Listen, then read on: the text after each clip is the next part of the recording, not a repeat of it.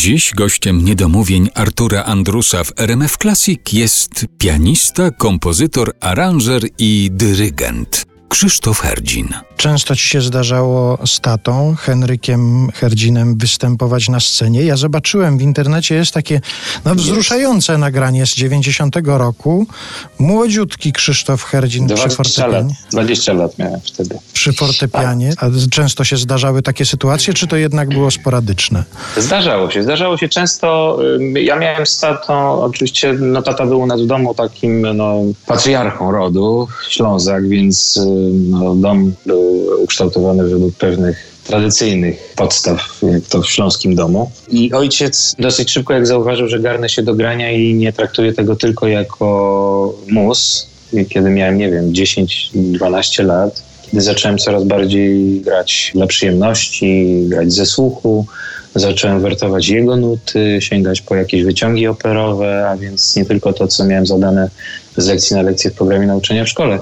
Więc y, wykorzystywał mnie najpierw dosyć tak bez przekonania, potem jak zobaczył, że jestem w stanie sam opanować akompaniamenty pieśni Schuberta, Schumana, jakieś pieśni napolitańskie, wróć do Sorrenta, Santa Lucia, takie bardzo piękne rzeczy muzyki włoskiej popularnej, to zaproponował mi, nawet wydaje mi się, że wtedy to nie była propozycja, a raczej rozkazał, czy wymusił na mnie, że w takim razie zrobimy duet ojciec-syn, no i zdarzało nam się wielokrotnie występować w małych, lokalnych miejscach na terenie Bydgoszczy przy okazji różnych wieczorków, różnych audycji muzycznych. To, co jest w internecie, to jest właśnie zapis takiego wieczorku, który odbył się wtedy w Państwowym Domu Sztuki w Bydgoszczy. No i ojciec wtedy odpowiadał na pytania prowadzącego, mówił o swoim życiu i było to przeplatane utworami operowymi, operetkowymi i pieśniami napolitańskimi i właśnie wtedy został ten fragment nagrany na wideo, ale graliśmy dużo ze sobą, dużo i to też bardzo dużo mi nauczyło. Bardzo się wtedy bałem, pamiętam, i dużo bardziej było to dla mnie okupione ciężką tremą, dużo bardziej niż na egzaminach w szkole. Bo ojciec bywał surowy i wiedziałem, że to nie ukryją się żadne niedopatrzenia i musiałem wszystko zrobić na tip-top.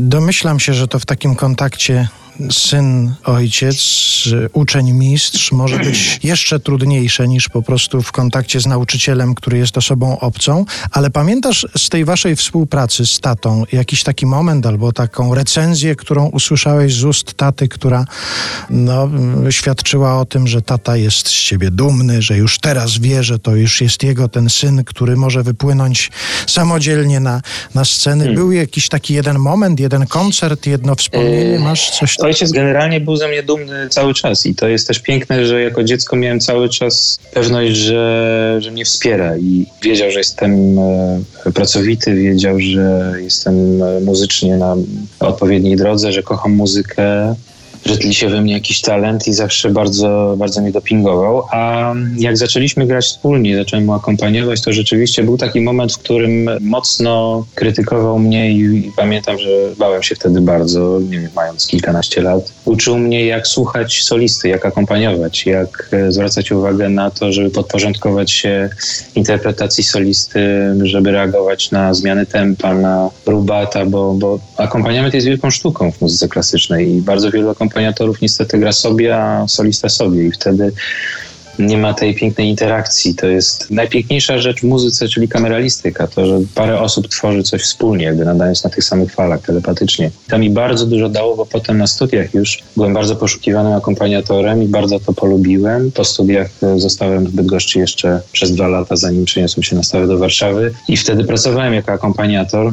Bywało tak, że studenci przychodzili do mnie nawet tydzień, dwa tygodnie przed egzaminami, uciekając od swoich przydzielonych akompaniatorów i prosząc, panie Krzysiu, proszę, niech pan nas wspomoże, niech pan zakompaniuje nam na egzaminie czy na dyplomie, bo wiedzieli, że właśnie umiem słuchać, że, że mam w sobie tą elastyczność i tą giętkość. I muszę powiedzieć, że no, bardzo wiele z tej cechy muzyka kameralisty zawdzięczam ojcu właśnie, na pewno.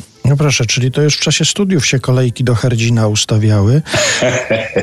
no to, można tak powiedzieć. Tak. To może wobec tego posłuchajmy, jak Krzysztof Herdzin razem z Atom String Quartet akompaniuje Dorocie Miśkiewicz.